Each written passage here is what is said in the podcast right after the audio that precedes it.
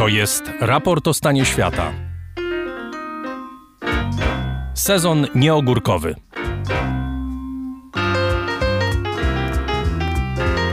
Dzień dobry, przy mikrofonie Agata Kasprolewicz i to jest ostatnia już środa sierpnia, co oznacza, że to już ostatni w tym roku odcinek sezonu nieogórkowego. Na koniec zapraszam Państwa w daleką podróż do Junanu, miejsca, w którym mieszkają ostatni ludzie na świecie, posługujący się pismem obrazkowym. Nazywają się nasi. Jak to możliwe, że zdołali ochronić swoją kulturę w systemie tak opresyjnym, jak reżim komunistycznych Chin? I czy uda im się przetrwać? W tym odcinku opowiemy też o jednym z najciekawszych współczesnych chińskich artystów protestu, który nie zgadza się na to, by mniejszości w Chinach umierały w ciszy.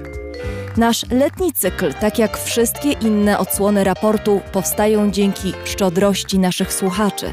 Każdy, nawet najmniejszy gest wsparcia ma dla nas ogromne znaczenie. Jeśli ktoś z Państwa chciałby zostać naszym patronem, najłatwiej zrobić to za pośrednictwem serwisu patronite.pl, gdzie znajduje się profil Dariusza Rosiaka.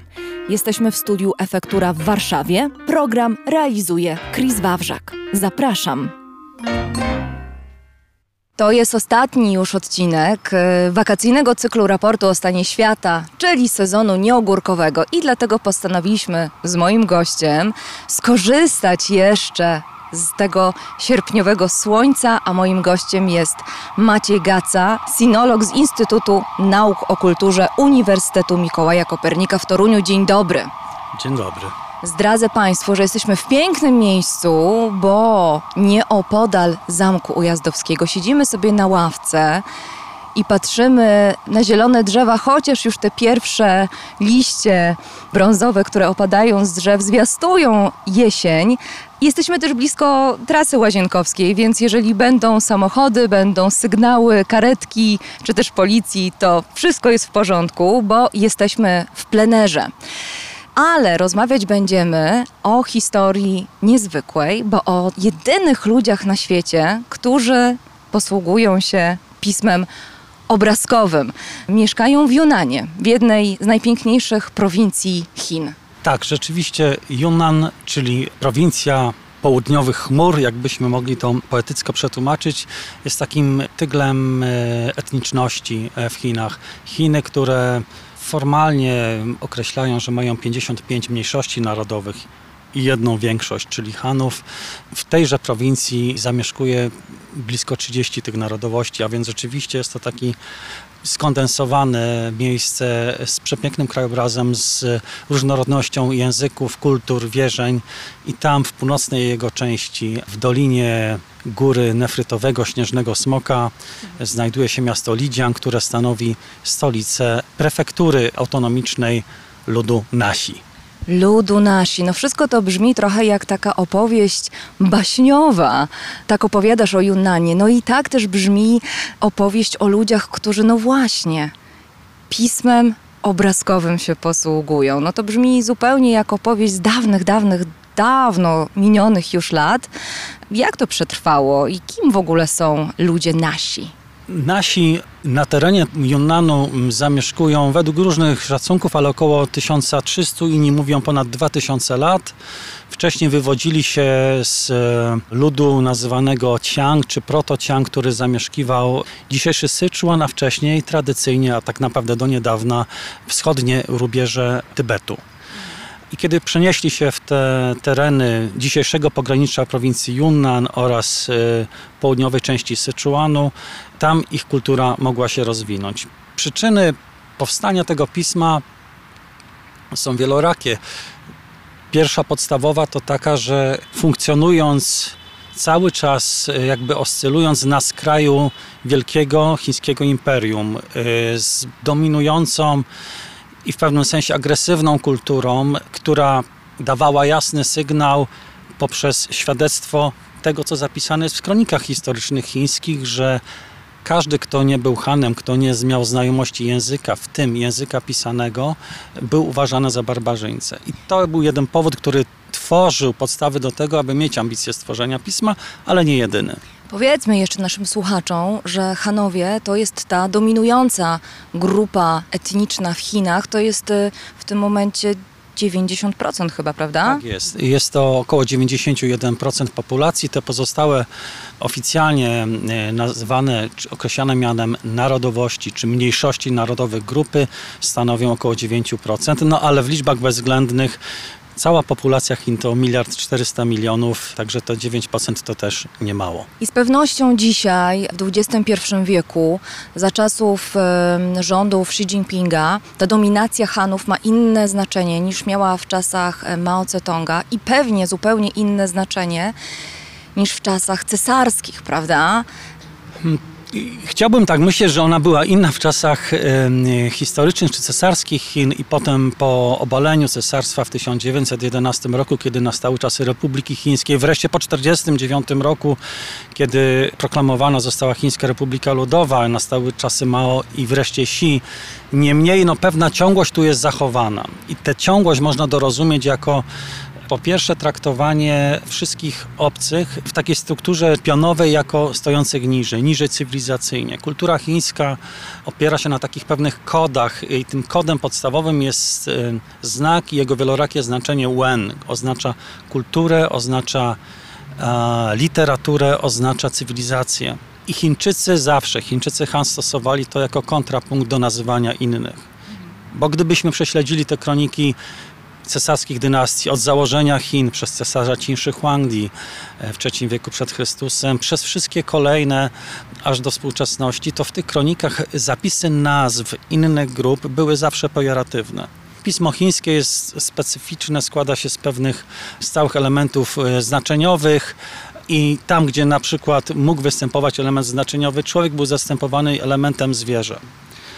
A w nazwach historycznych grup etnicznych na mapach czy innych opisach sięgających nawet czasu średniowiecza czy pierwszego tysiąclecia wszystkich obcych, wszystkich graniczących z Hanami określano tylko barbarzyńcami, e, bestiami dzikimi, odpowiednio dodając bądź to z zachodu, północy, czy y, z południa, bądź to dodając jakiś element nazwy miejscowej. Czyli rozumiem, że ta dominacja, ta taka, no można powiedzieć pewnie brutalna dominacja wobec y, mniejszości ze strony większości, to jest taki element stały, który przeplata się przez właściwie wszystkie etapy, wszystkie rozdziały historii Chin. Od tych Chin dawnych, cesarskich po te bardzo współczesne. Tak, to jest trafne spostrzeżenie. Różnica, jaka e, występuje, to taka, że mieliśmy w czasie tworzenia nowego państwa chińskiego, czyli kiedy nastała Republika Chińska, pierwszą próbę uznania wielonarodowości państwa chińskiego, bo e, to nawet było odzwierciedlone w projekcie pierwszej flagi Republiki Chińskiej. Była kolorowa, tak jak można powiedzieć dzisiaj tęczowe flagi. Odzwierciedlać miała pięć wielkich narodów Chin. E, Tybetańczyków, no bo za takich ich już wtedy Chiny chciały uznawać za przynależnych do Chin, bez względu oczywiście na historię i interpretację drugiej strony, Mandżurów, muzułmanów chińskich, czyli Ujgurów, choć tam są też inne grupy etniczne, to, to jakby szerzej można mhm. dorozumiewać, Zhuangów y, na południu, y, no i właśnie Hanów. I jednocześnie, kiedy to jakby uznanie powstało, to Chiny, Chińczycy nie byli kompletnie wyposażeni we instrumenty badawcze, takie jak podstawy antropologii, etnologii, etnolingwistyki, to jest coś, co było już silnie pobudzone w Europie i jeżeli dotyczyło Chin, to przez badaczy oczywiście e, europejskich, często też e, uwikłanych w działalność misyjną. Brak tych instrumentów to była jedna rzecz, ale była też druga rzecz, że jednocześnie koncepcja nowego państwa chińskiego u zarania XX wieku. To była koncepcja, którą e, stworzył Sun Yat-sen, ojciec założyciel Chin współczesnych, szanowany jako taki zarówno po stronie chińskiej, jak też przez Tajwańczyków dzisiaj, choć z coraz mniejszym sentymentem i to z wielu powodów. I on stworzył koncepcję właśnie taką, której emanacja ma miejsce w czasach dzisiejszych, czyli stworzenie nowego człowieka chińskiego poza etnicznością, czyli pozbywamy się tego chińskiego znaczenia minzu, narodowość, na rzecz Zhongguoren, czyli człowiek Chin, obywatel Chin. I de facto ten punkt wyjścia jest realizowany z olbrzymią mocą za pomocą i drastycznych, ale przede wszystkim tych dużo, e, no nie chcę powiedzieć dużo bardziej szkodzących, ale szkodliwych niezwykle, bo w białych rękawiczkach metod wynaradawiania, wykulturawiania, takiej saturacji przedstawicieli tychże oficjalnie uznanych 55 mniejszości etnicznych y, na terenie dzisiejszych Chin. I o tym będziemy dzisiaj rozmawiać, ale teraz wróćmy do Yunanu, wróćmy do ludu Nashi, no i do ich niezwykłego języka. Zadałam Ci pytanie, jak to możliwe, że ten język przetrwał, no bo powiedzmy raz jeszcze, to są jedyni tacy ludzie na całym świecie, którzy takim pismem właśnie się posługują. Co jest ciekawe, ja rozumiem, że w ogóle to pismo powstało po to, żeby oni mogli istnieć w odrębności i żeby nie zostali zdominowani całkowicie przez, e, przez tą dominującą kulturę Hanów. Tak, w dużej mierze tak, choć były też inne kultury oboczne, które na nich bardzo silnie wpływały, między innymi kultura tybetańska, buddyzmu tybetańskiego, ale jakby zanim o tym powiem, to warto powiedzieć, że w takim domniemaniu tej tożsamości kulturowej poszczególnych ludów Chin dominujące są trzy elementy: pismo, literatura, język, czyli odrębność tego języka przekaz literacki i jeżeli jest pismo, a więc ta gwarancja zapisu, że to nie jest przekaz y, tylko pozamaterialny, to rzeczywiście utrwala ich samo przekonanie o ich nie tyle odrębności, bo to jest, ale wartości. Mhm. I to, wartości tej odrębności. Wartości tej odrębności. I z jednej strony oczywiście wpływy chińskie, z drugiej strony buddyzmu tybetańskiego, później również innego, spowodowały, że ponad tysiąc lat temu zaczęto tworzyć zapis tego pisma. Oczywiście jest wiele legend, jak ono powstało, że był jeden z wybitnych y, przedstawicieli nasi, który udał się na nauki w wieku 13 lat y, do Tybetu, do jednego z klasztorów. Tam nie pozwolono mu brać udziału w, w, naukach, mógł być tylko i wyłącznie sługą dla uczniów, ale był y, pojętny i wszystko uczył się na pamięć, co zasłyszał. Pewnego razu wykradł księgi i powrócił do y, doliny swojego pochodzenia, nazywanej Baidi, czyli Białą Ziemią, na pograniczu prowincji Yunnan i Sichuan. Tam wszedł wysoko góry i miał stworzyć to pismo. Ten trzynastolatek no już wtedy zapewne dużo starszy, ale jakaś myśl musiała wcześniej e, w nim zaświtać. Samo pismo jest pismem e, bardzo ciekawym. Ono jest zapisywane e, w formie takich ksiąg płaskich o długości około 25 cm na wysokość 13-15, najczęściej strzywanych po lewej stronie. Nie na papierze, tylko taki jaki znamy, tylko na rodzaju papieru wytwarzanego z kory krzewu, który rośnie y, w ich miejscu zamieszkania. Nazywa się to formalnie Wikströmia vichanensis. I rzeczywiście ta forma wyrobu papieru do dzisiaj przetrwała. Czyli te inne elementy kultury, jak też to rzemiosło związane z pismem także. Pismo jest, najczęściej nazywa się piktograficznym, ale dobrze jest powiedzieć, że jest to pismo obrazkowe i mnemotechniczne. Co to oznacza? Że nie cała treść jest tym pismem zapisana, są tam główne wskazania dla czytającego, który musi przywołać ze swojej wiedzy z pamięci resztę tej treści.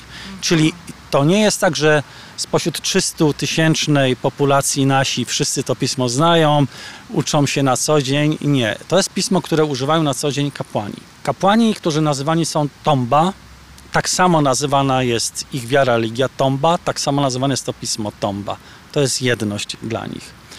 I sam zapis jest w formie, można powiedzieć, rebusów, czytany najczęściej w kolejności od lewej do prawej strony i toku badania tego pisma, które się tak zaczęło w latach 30. XX wieku, potem renesans nastąpił w połowie lat 80. XX wieku, y, możemy znaleźć szereg takich y, reguł, które wskazują na to, że to mimo tego, że obrazki, to one mają swoją gramatykę, one mają swoją systemowość.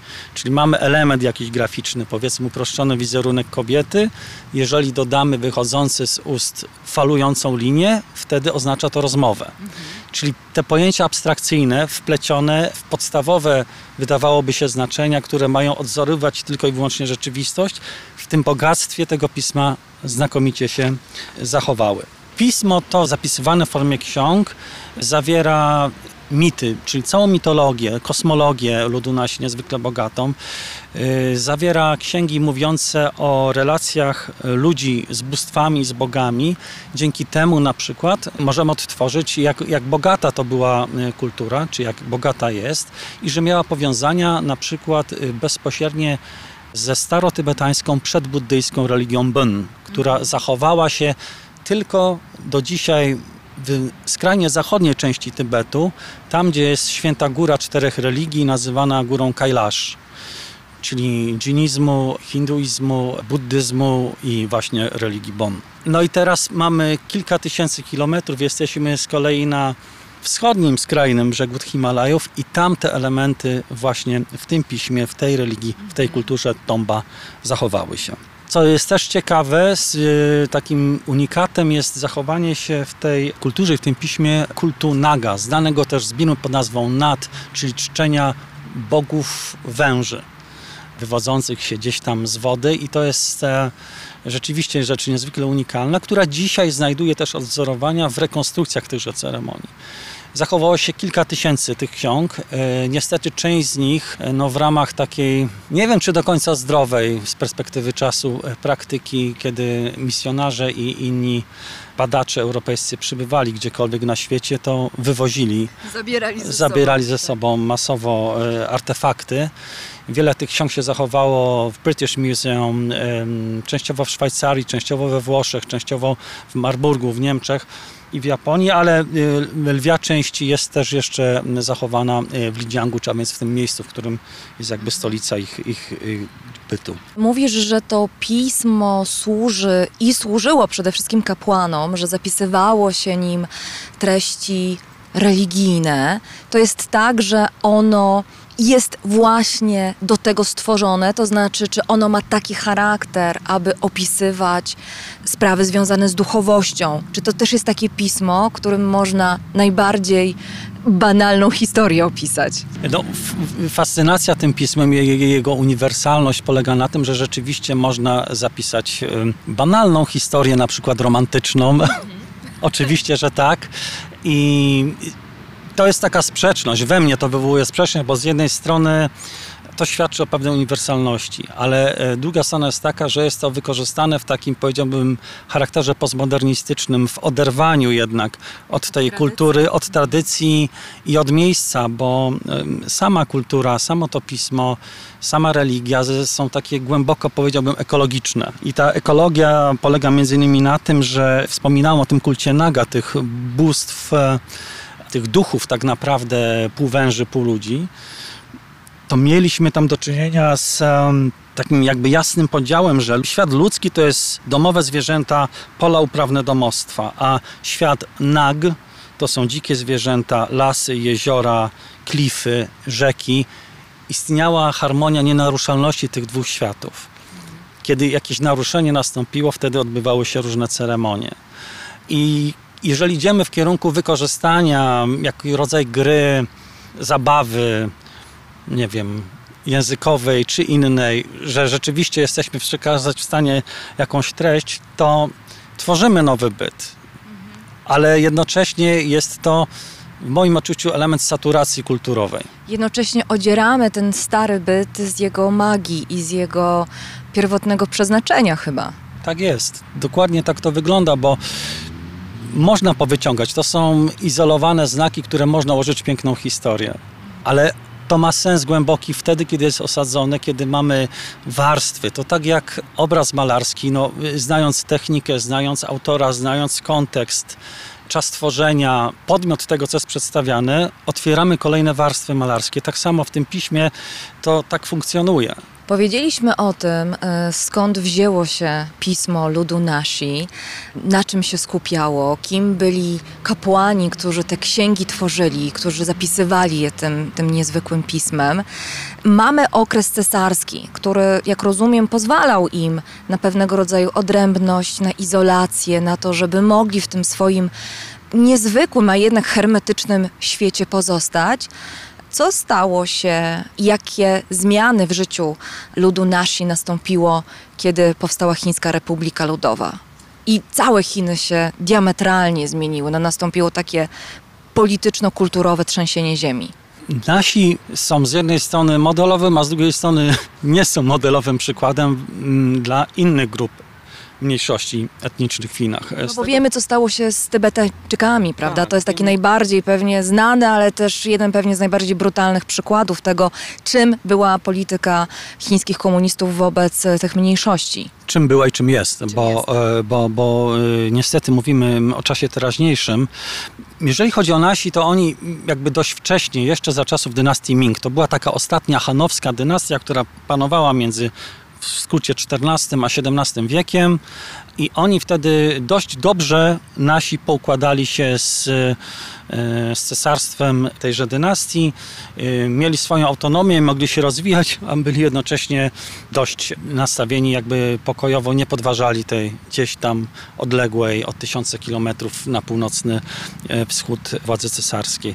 A jednocześnie mieli możliwość samorealizacji, nie było ingerencji tego wszystkiego. W czasach późniejszych dynastii Qing, a więc tej mandżurskiej i jednocześnie ostatniej, która panowała w Chinach do roku 1911, zniesiono system dziedzicznej władzy na tamtych ziemiach, czyli cesarstwo zmusiło e, nasi do przejścia na system mianowania. To też ciekawa rzecz, chińskie dynastie na poszczególnych ziemiach przynależnych do poszczególnych ludów wcześniej narzucały też chińskie nazwiska i imiona i na przykład dzisiaj niewiele osób wie, ale po nazwisku można się zorientować skąd się ktoś gdzieś tam mógł wywodzić.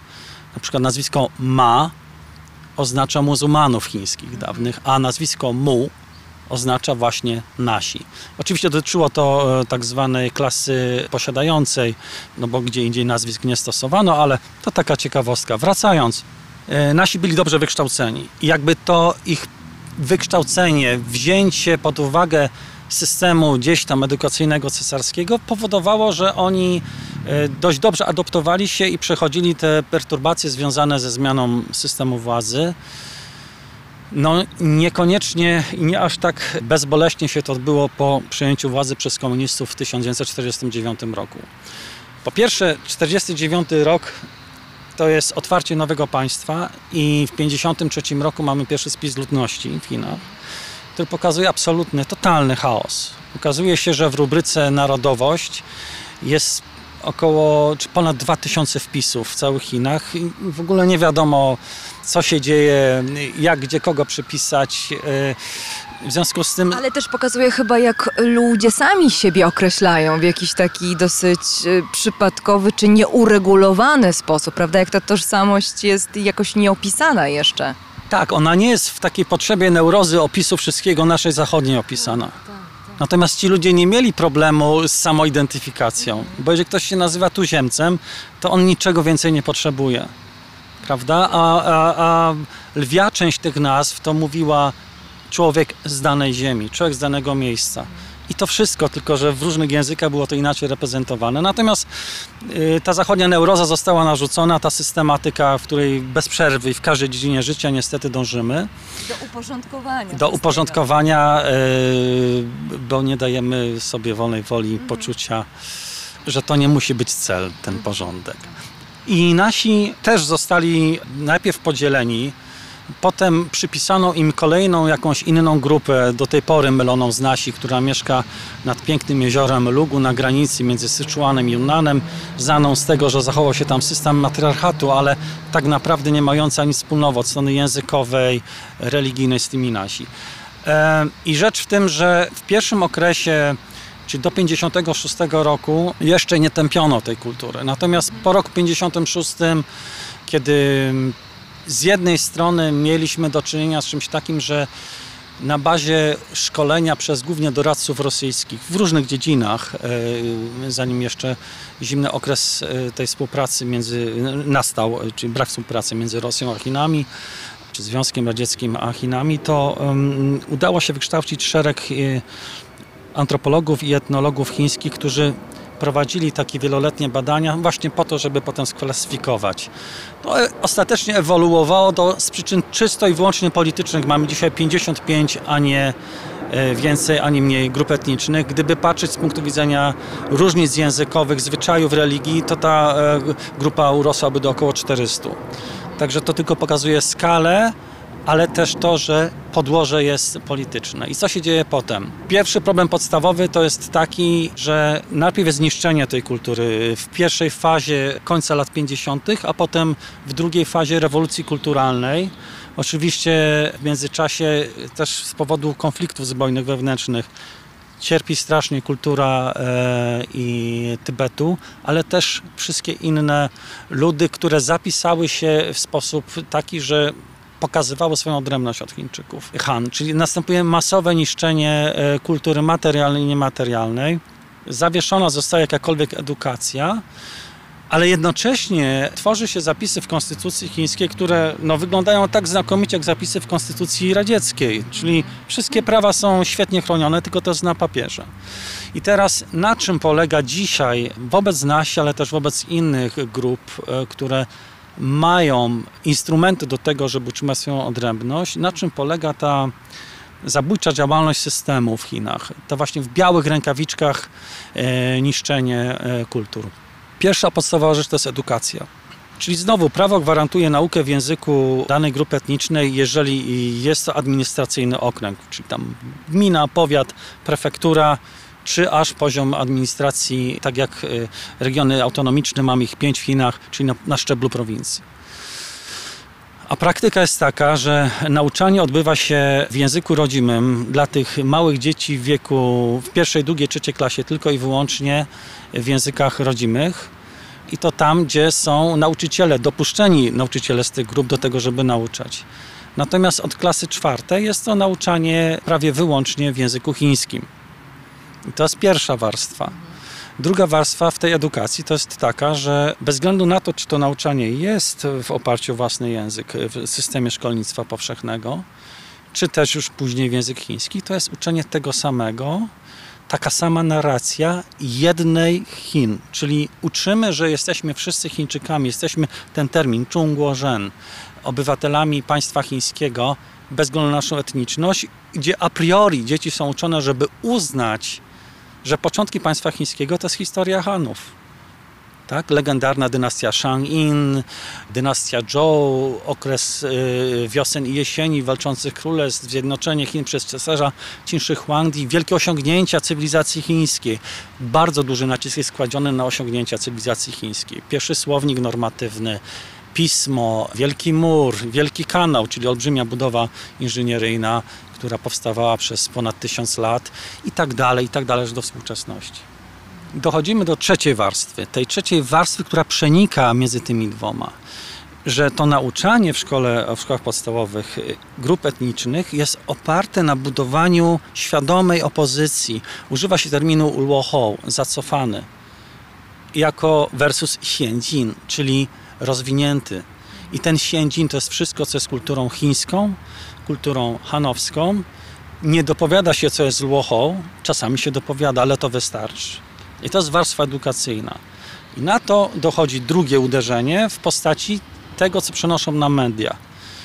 Czyli obrazy współczesnego świata z tym jakby oszałamiającym uderzeniem różnic ekonomicznych, wielkich miast, tego, co można osiągnąć już wewnątrz Chin.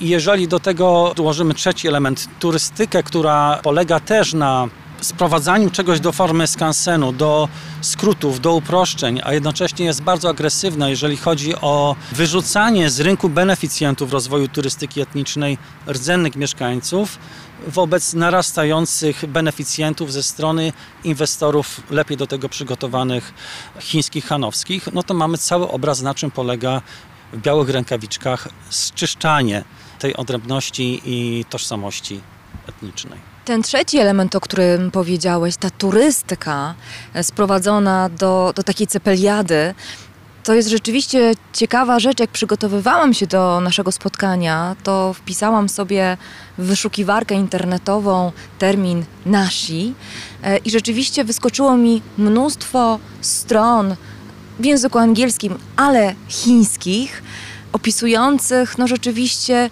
taką wspaniałość e, tej tradycji, tej kultury.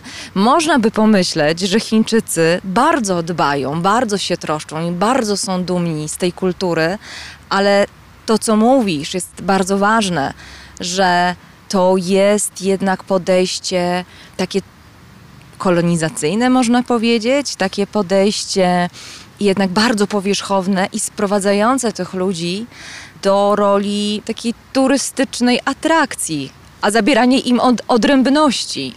Tak, to jest e, taki, nie wiem, postkolonializm, neokolonializm. Nie chcę, e, nie chcę iść w kierunku formalnych definicji, bo tu bardzo łatwo wywołać kłótnie, ale tak zwany case study tutaj. E, Stare miasto w Lidziangu jest wpisane bodaj od końca lat 90. na Światową Listę Dziedzictwa UNESCO bo to jest zachowana znakomicie architektura z połowy XIX wieku i rzeczywiście jest przepiękne.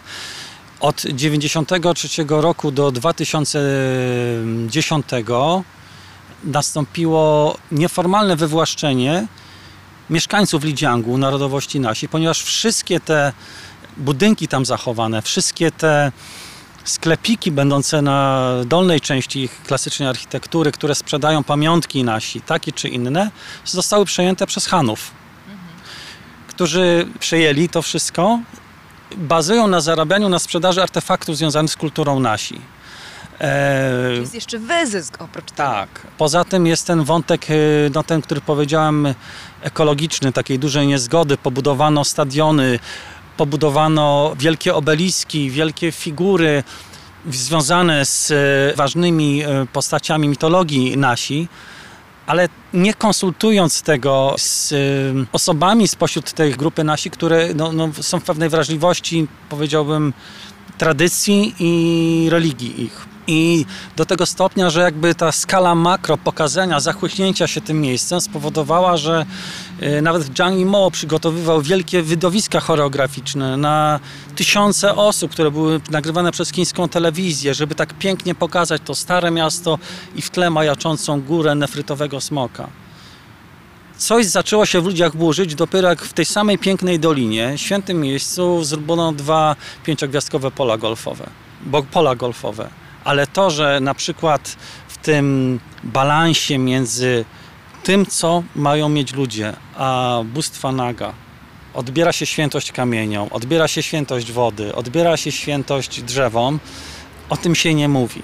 A to na gigantyczną skalę nastąpiło. No to są takie zbrodnie. No, buduje się lotnisko, które tam przysyła dziesiątki tysięcy, setki tysięcy turystów. I oni są dość szczególnym przypadkiem, bo z drugiej strony padli też ofiarą jakby swoich dobrych chęci. To znaczy, po pierwsze, jest to nadal spośród tych mniejszości etnicznych w Chinach najlepiej wykształcona grupa, w związku z tym y, narodowości. W związku z tym oni bardzo szybko w, w różnych y, karierach się pieli wysoko. Awansowali. awansowali. W związku z tym mogli pozyskiwać środki dużo skutecznej na zachowanie swojej kultury, na jej odnowę, ale ten koszt jest straszny jeżeli chodzi o to, co jest autentyczne i do czego mają dostęp. To jak w tej e, dzisiejszej chińskiej rzeczywistości, e, gdzie budowane są pola golfowe w tych świętych miejscach, czy w tych miejscach, które kiedyś były niedostępne, i lotniska, i gdzie, jak rozumiem, tłumy turystów e, z Chin, turystów Han. To jest też zalew turystów zagranicznych, o tym nie zapominajmy. O tym nie zapominajmy oczywiście. Jak w tym świecie przetrwali ludzie, którzy uczą się tego niezwykłego pisma obrazkowego, o którym mówiliśmy tyle na początku. Ilu w ogóle jest w tym momencie przedstawicieli, ludzi nasi, którzy potrafią e, się tym pismem posługiwać? To jest takie pytanie, które uruchamia strumień dwóch równoległych odpowiedzi. Jedno to jest to, że kiedy wejdziesz na e, jakieś strony internetowe z tym związane, zdjęcia z Lidziangu, będą takie zdjęcia sal lekcyjnych, gdzie jest ubrany w szaty kapłan, tumba, z koroną y, pięcioelementową, y, taką klasyczną, a tutaj w takich samych szatach rzędem dziesiątki dzieci, chłopców, którzy tam się do tego przygotowują i uczą się tego pisma. I to jest ta wersja oficjalna? To jest ta wersja oficjalna i oni rzeczywiście się uczą, ale tylko po to, żeby wykorzystywać to potem właśnie na potrzeby turystyczne, czy tej jakby powierzchownej warstwy zachowania jakiejś kultury. Natomiast nie w Lidziangu, nie w tej dolinie u stóp Y, góry nefrytowego śnieżnego smoka, tylko w następnej dolinie w kierunku na północ do Syczuanu. Między tą górą, którą wymieniłem, a świętą górą Haba znajduje się ziemia nazywana Baidi, Biała Ziemia. Nazwa się wzięła z tego, że jak nasi słuchacze byli w Turcji, a z pewnością kilku z Państwa było, znacie takie miejsce Pamukkale. To to jest coś bardzo, bardzo podobnego, w bardzo podobnej skali, ale na szczęście jest tam strasznie ciężko dojechać. I tam u podnóża tego nasijskiego Pamukkale jest wioska Baishweitai, czyli dosłownie tarasy białej wody i od niej prowadzi ścieżka do świętego miejsca, jaskini, gdzie miało być to pismo stworzone. Tejże dolinie jest kilka, kilkanaście wiosek, gdzie jeszcze są kapłani 80, 70, kilku, 90-letni, którzy przyjmują swoich e, uczniów na tego rodzaju szkolenie, które trwać powinno między 9 a 12 lat.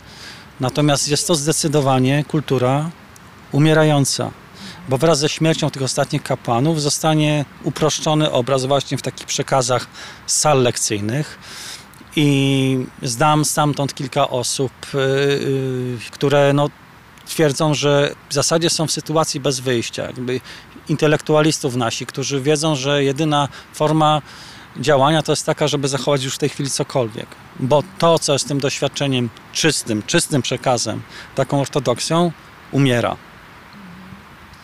No tak, mówisz, że ta kultura umiera, ale chyba na szczęście nie umiera tak zupełnie po cichu, prawda? Są ludzie, są Chińczycy, są artyści chińscy, którzy krzyczą na ten temat.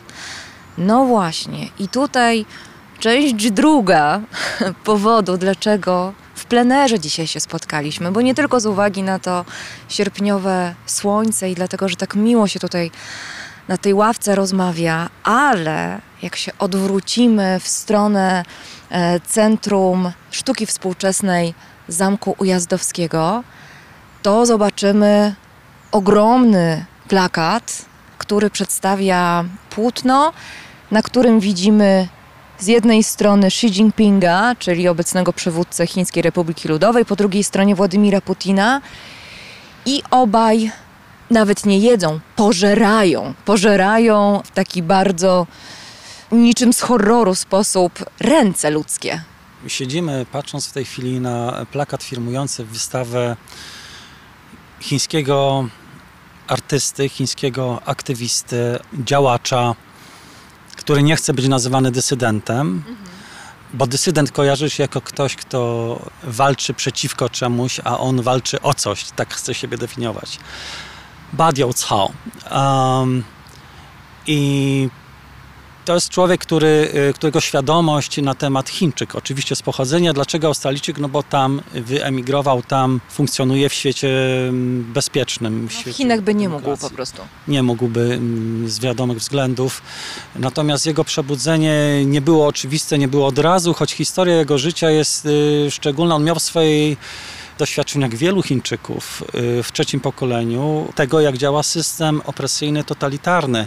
Jego dziadek oraz brat jego dziadka y, byli śmiertelnymi ofiarami czystki kampanii przeciwko prawicowcom y, z 1957 roku. Więc ta pamięć była. Z drugiej strony on miał grubo ponad 20 lat, kiedy z Chin wyjechał, kiedy dopiero zdobył świadomość na temat tego, czym były wydarzenia na placu Tiananmen 4 czerwca 1989 roku, dacie tak ważnej dla Polski. U nas y, demokracja zaczęła otwierać się, to znaczy zaczęła się budować, a tam była brutalnie w tym czasie y, dławiona. Badio Cao jest artystą protestu, jest artystą zaangażowanym. To jest ważne, że tu dzisiaj jesteśmy, bo, bo być może jest to dopełnienie takiego apelu, którym może Państwo pamiętają, yy, kończyliśmy rozmowę w raporcie o książkach 13 marca tego roku, mówiąc o książce Ai Weiwei'a. Też znakomitego chińskiego artysty protestu. I, I właśnie Ai Weiwei, on powiedział, że nie można definiować sztuki bez zaangażowania. Bez zaangażowania społecznego sztuka musi być ostrym. To było bardzo twardo powiedziane i w ostatnim rozdziale jego książki on to kończy takim zdjęciem, obrazem, kiedy jest y, w Grecji i jesteśmy w środku olbrzymiego kryzysu etycznego, moralnego, migracyjnego e, Europy. Europy. ten element na wystawie Badio Cao, o której pewnie sobie jeszcze za chwilę więcej powiemy, też został zaznaczony. Ale sam Badio Cao, oczywiście jest to pseudonim artystyczny ze względów również bezpieczeństwa, odnajduje jako takiego swojego mm, mentora e, właśnie Ai Weiwei'a ze swoją działalnością. No tak, Ai Weiwei pamiętam, że mówił, pisał w tej książce, że sztuka, prawdziwa sztuka, ta sztuka, która ma sens, która się liczy, musi uwierać. Ona nie może być przyjemnością estetyczną tylko i wyłącznie. Ona ma boleć. Ona musi iść w kontrze. Jak patrzę na ten obraz Xi Jinpinga i Władimira Putina pożerających ludzkie ciało, to co to jest za metafora? O co chodzi w tym obrazie? Jak widzimy dwóch mężczyzn, dwóch przywódców, dwóch ludzi, którzy uważają się za ojców narodu i nadają sobie prawo do tego, żeby o wszystkim decydować. W związku z tym jest to tak jakby alegoria, że pożerają własne społeczeństwa. Zabierają im możliwość samodzielnego decydowania, samodzielnego myślenia, zabierają im strzępy poczucia wolności. Mhm. I to jest taki kanibalizm w rozumieniu jakby kompromitacji chyba tego, kim mogliby być, co mogliby zrobić, a do czego dążą. Czyli ci dwaj dyktatorzy są takimi współczesnymi kronosami? Tak, to jest bardzo dobry trop. Ja właśnie taki trop odnajduję. No dobrze, to pójdźmy na wystawę w takim razie.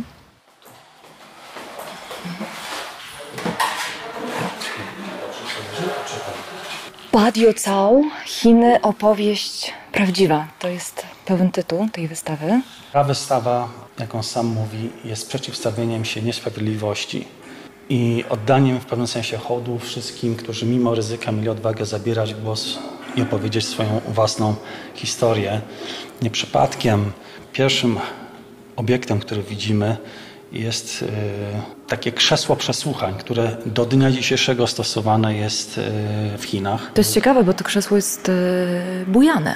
Tak, mhm. no, jest to krzesło bujane, ale jak zwrócisz uwagę, wstawianie nóg tam, gdzie kostki mhm. mają ruchu, Ach. do tego jeszcze na obręczach najczęściej jest zakładana jest jeszcze stalowa sztaba, czego tutaj nie widzimy mhm. na ręce, albo ręce są przeplatane w taki sposób, żeby przeguby w bardzo niewygodnej pozycji wychodziły na zewnątrz. Mhm. I człowiek jest związany jeszcze pasami. To jest coś, co stosuje się według nazewnictwa chińskiego do tak zwanych głębokich przesłuchań i choć wygląda tutaj jak historyczny artefakt, być może z czasów e, dynastycznych, to jest to rzecz stosowana do dzisiaj przez policję czy w więziennictwie chińskim.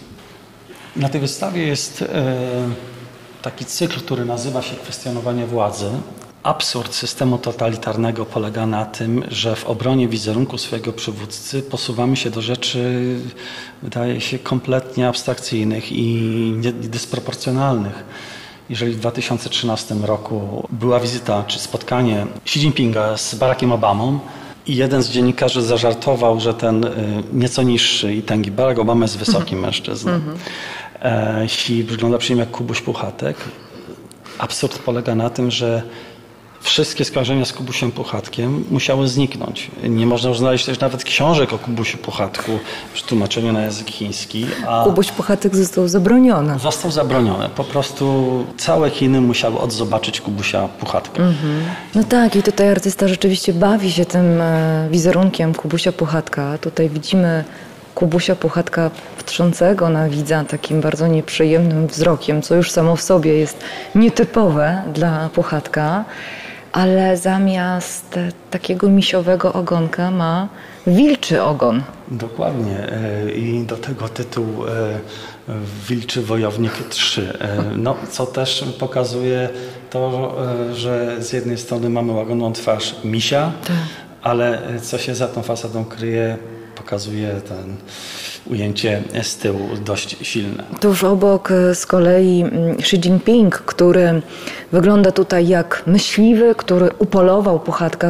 To jest nawiązanie do tych wszystkich e, zdjęć z trofeami, prawda? Tylko tutaj nie mamy tygrysa czy innego dzikiego zwierzęcia, na którym ten, ten myśliwy triumfalnie siedzi, tylko no właśnie, zabitego Kubusia Puchatka, na nim Xi Jinping z ogromną lufą. To jest dość szczególne dzieło. Widzimy tutaj występ jakby magika, który oczywiście w smokingu jako magik z wyciągniętymi dłońmi Xi Jinping, a poziomo uniesiony w powietrzu trup Mao Tse-tunga okryty mhm. flagą chińską. Mhm. W zasadzie mamy do czynienia z bezpośrednim przekazem, że oto dochodzi do wskrzeszenia, do wskrzeszenia nie tyle Mao Tse-tunga, co tych wszystkich idei, które są zatrważające, jeżeli chodzi o elementy y, władzy totalitarnej i że kimś takim w odczuciu e, Cao jest właśnie Xi Jinping. Kolejnej odsłonie mamy bardzo ciekawą instalację mówiącą o, czy nawiązującą do takich e, protestów, które miały miejsce w Hongkongu. To jest kolejna odsłona niszczenia e, resztek demokracji tam, gdzie władza chińska ma realny wpływ. Potem mamy przejście do innych, niezwykle istotnych i mało poruszanych, czy mało znanych w Polsce odniesień do dramatów ludzkich. Tu wracamy do tego aspektu etniczności. Kolejna praca to jest y, osiem tak naprawdę portretów ukazujących samospalenie. samospalenie, samospalenie, które jest niestety taką najbardziej drastyczną formą protestu, która jest obecna w doświadczeniu duchowym i fizycznym e, Tybetańczyków. To jest bardzo ciekawa praca pod tytułem Mudzi. Mudzi wielu się kojarzy i słusznie e, z fantastyczną designerską firmą globalną stworzoną w Japonii, robiącą tak zwaną sztukę minimalistyczną. E, co ciekawe, wystawa poświęcona twórcy tej koncepcji artystycznej e, firmy Mudzi znajduje się do dzisiaj, jeszcze trwa w Muzeum Narodowym w Poznaniu. Warto ją odwiedzić, żeby zobaczyć, jak ten świat jest skontrastowany bo mhm. tam, gdy Państwo zwiedzać będziecie tę wystawę, e, spotkacie się z przekazem kogoś głęboko uduchowionego, o bardzo wysublimowanym poczuciu estetyki i silnym przemyśleniu, że dominującym elementem jest pustka biało-czarne rzeczy, białe, czarne odcienie meble, szarości, odcienie szarości, beżu. natura, jeżdżenie po świecie, żeby odnajdować w krajobrazie, w tej takiej ponadludzkiej rzeczywistości naturalnej e, tych inspiracji i przenieść to na uspokojenie wewnętrzne. I teraz mam ten obraz w oczach, który zderzam z wystawą Badio Cao, gdzie jest ta nazwa Mudzi. Tylko w innym kontekście zupełnie. 100% bawełna z Xinjiangu, 100% ujgurskich łez. Mm. Widzimy przedstawienie osoby w łańcuchach, która zbiera bawełnę, ubrana w pasiak, bo chce artysta tym cyklem, który teraz będziemy y, omawiać, wzbudzić naszą świadomość, że świat na chwilę się uniósł. Y, bodaj w 2017 roku, późną jesienią, kiedy na forum ONZ-u publikowany był raport o ludobójstwie Ujgurów e, na terenie Turkestanu e, Wschodniego, czyli Xinjiangu w Chinach. No to uniesienie było chwilowe, natomiast nic szczególnego za tym nie, nie poszło. Kiedy ja słyszę dzisiaj o e, protestach, nie kupujmy takich czy innych towarów w związku z jakąś jedną, jednostkową akcją, to tak mi się kojarzy z takim trochę łowkizmem w negatywnym słowa znaczeniu, a kiedy wiemy, że coś istnieje od iluś lat, jest doskonale udokumentowane, a z drugiej strony nie chcemy wejść w ten dyskomfort utraty przyjemności. Czyli na przykład świadomie się zastanowić, skąd ta bawełna jest na tych fajnych, designerskich, białych koszulkach. Firmy Muji. Bo w ogóle tutaj artysta tak świadomie y, zwraca się do, tak mi się wydaje, zwraca się do odbiorcy z zachodu, bo to nie jest pewnie przypadek, że są odniesienia do II wojny światowej i są odniesienia do Holokaustu.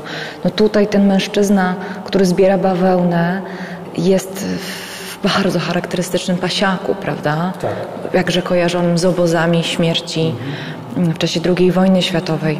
Tuż obok Ujgur Arbeit macht frei, czyli znów hasło zapożyczone no, z tego strasznego języka Holokaustu. Tak, i widzimy czarną postać z napisem Ujgur, ubraną w białe kajdanki z pięknym łańcuszkiem z taką bielą, którą ma tylko jedna firma na świecie. I widzimy nadgryzione jabłuszko z napisem I chain, Ujgur Arbeit macht frei. Zastanawiacie się Państwo dlaczego? To zastanówcie się, gdzie podzespoły są produkowane na terenie Chin. Nie ośmieliłby się artysta wprowadzać tak znanych firm, tak znanych marek, jeżeli nie miałby pewności, że te firmy są uwikłane e, w prostą sprawę.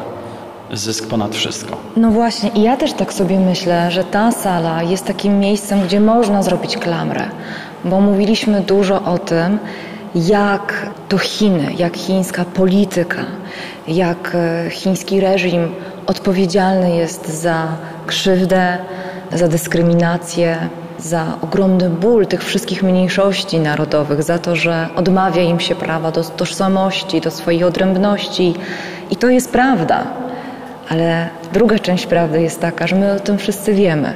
I jakże wyraźnie na tych pracach, e, na tych płótnach Badio Cao jest to pokazane, że jesteśmy przynajmniej w pewnym stopniu współodpowiedzialni za to, że to nie jest tylko chińska historia, bo, bo pewnie też we współczesnym świecie nie ma tylko chińskiej historii, jest globalna historia.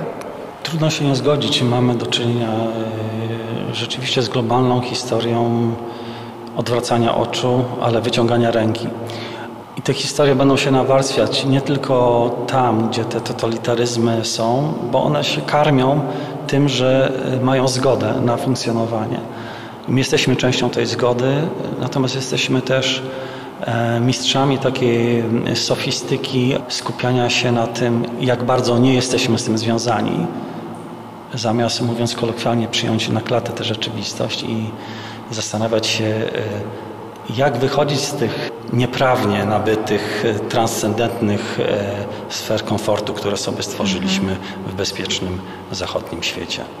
No tak, i co możemy zrobić, nawet w takim jednostkowym, bardzo małym zakresie, co możemy zrobić, żebyśmy jak najdłużej mogli żyć na świecie, gdzie jacyś tam ludzie daleko w Junanie posługują się pismem obrazkowym i takie cuda też istnieją. Tak, istnieją takie cuda. Małą rzecz, jaką można zrobić, kiedy już się tam wybierzemy, to na przykład, jeżeli chcemy kupować pamiątki, to spróbujmy, używając naszych zdolności językowych, pozawerbalnych, dowiedzieć się, czy coś jest sprzedawane przez rdzenną ludność. Jeżeli chcemy muzykę daną z danego regionu, to upewnijmy się, że nie kupujemy muzyki w języku chińskim, tylko w języku nasi. Jest szereg takich drobnych rzeczy, które wymagają drobnej uważności zaledwie. Tak? Niekoniecznie do najlepszego hotelu, do y, najbardziej ekskluzywnie wyglądającej rzeczy, tylko szukać tam, gdzie możemy przynajmniej, albo podjąć próbę, że robimy coś na rzecz lokalnej społeczności. A inną sprawą, jaką możemy zrobić, to zachęcić Państwa do tego, żeby przychodzić na takie wystawy, mhm. żeby dać się poruszyć, żeby zatrzymać się przy czymś, żeby się po prostu zacząć zastanawiać.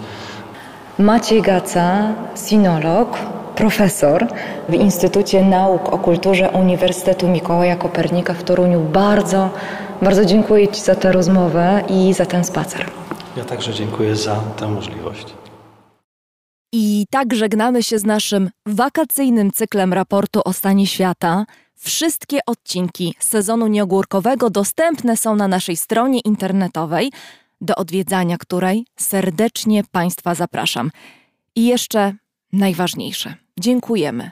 Wszystkie odsłony raportu powstają dzięki szczodrości naszych słuchaczy.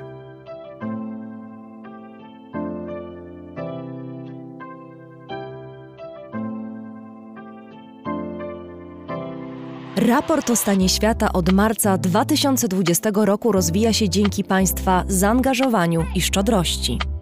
To dzięki Wam możemy opowiadać o świecie przy pomocy dźwięków.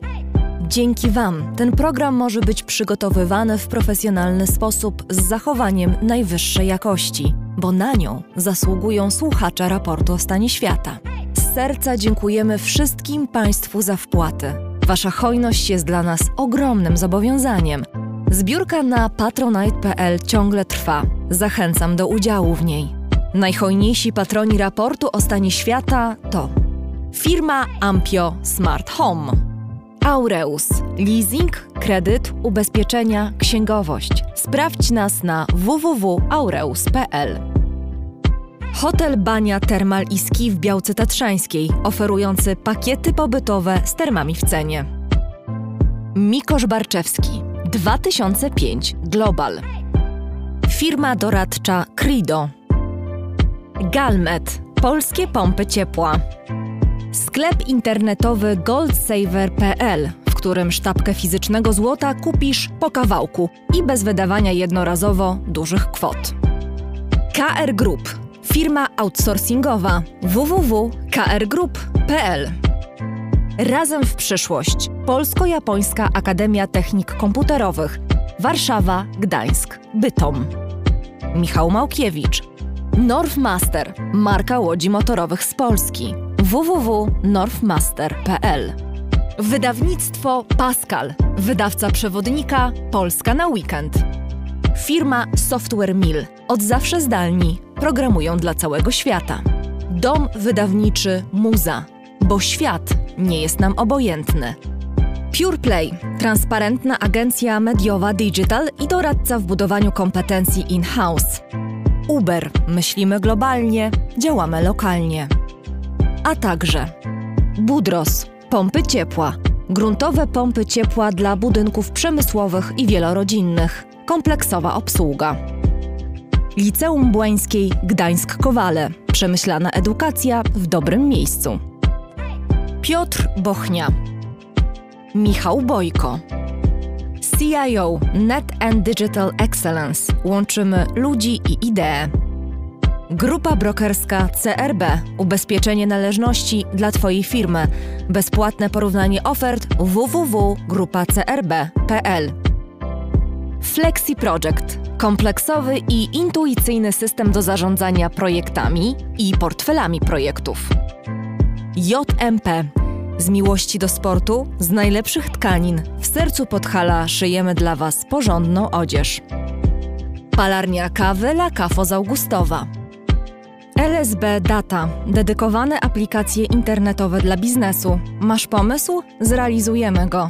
lsbdata.com Wydawnictwo Uniwersytetu Łódzkiego. Wydawca książek serii Krótkie wprowadzenie. Wszystko, co trzeba wiedzieć. Leszek Małecki. Aplikacja Moja Gazetka. Polska proekologiczna aplikacja zakupowa z gazetkami promocyjnymi i nie tylko. Moja Gazetka. Kupuj mądrze. Firma Prosper z Sosnowca. Hurtownia elektroenergetyczna i właściciel marki Czystuś. Firma ODO24. Optymalny kosztowo outsourcing ochrony danych osobowych ODO24.pl. Tixto.pl, niezależny serwis biletowy. Sprzedamy bilety na Twoje wydarzenia kulturalne i sportowe. Drukarnia cyfrowa totem.com.pl. Wspieramy wydawców i self-publisherów. Drukujemy najpiękniejsze książki. Fundacja Wasowskich, opiekująca się spuścizną Jerzego Wasowskiego i wydawca książek Grzegorza Wasowskiego. Szczegóły na wasowscy.com. Michał Wierzbowski. Wayman. Oprogramowanie wspomagające firmy inżynieryjne w zarządzaniu projektami. Stworzone przez polskich inżynierów dla sektora projektowego. www.wayman Software. Zen Market. Pośrednik w zakupach ze sklepów i aukcji w Japonii. Zen Market JP. Dziękujemy bardzo. To dzięki Państwu mamy raport o stanie świata.